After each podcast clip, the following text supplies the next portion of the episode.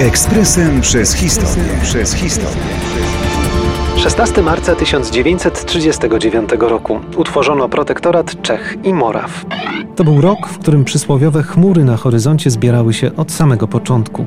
Część osób starała się to lekceważyć, licząc, że wojna, choć wisi na włosku, nie wybuchnie. Niemcy, choć dbali jeszcze o pozory, przygotowywali się już do wojny pełną parą.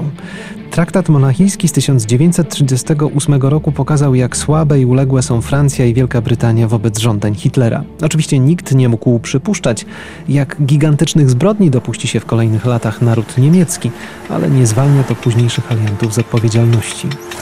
Ustanowienie protektoratu Czech i Moraw było kolejnym elementem geopolitycznej rozgrywki Hitlera. Jak pamiętamy, w wyniku traktatu w Monachium część ziem czechosłowackich, konkretnie okręg Sudetów, przyłączono do Rzeszy. Apetyt rośnie, jak wiemy, w miarę jedzenia i Niemcy wkrótce zażądali więcej. Tym razem chodziło o tereny Czech, Moraw i Śląska Czeskiego, które nie zostały przyłączone do Niemiec w wyniku układu z Monachium.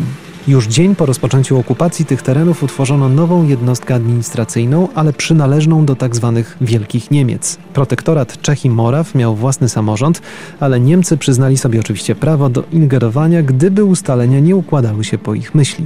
Większość państw w ogóle nie uznała protektoratu za byt w rozumieniu prawa międzynarodowego. Początkowe pozory autonomii szybko zmieniły się w farsę, szczególnie kiedy Niemcy zaczęli wojnę przegrywać. Terror, przemoc i zbrodnie. To, co było znakiem rozpoznawczym Niemców podczas tamtej wojny, zaczęło obowiązywać i na terenach protektoratu. Formalnie istniał on jednak do końca II wojny światowej.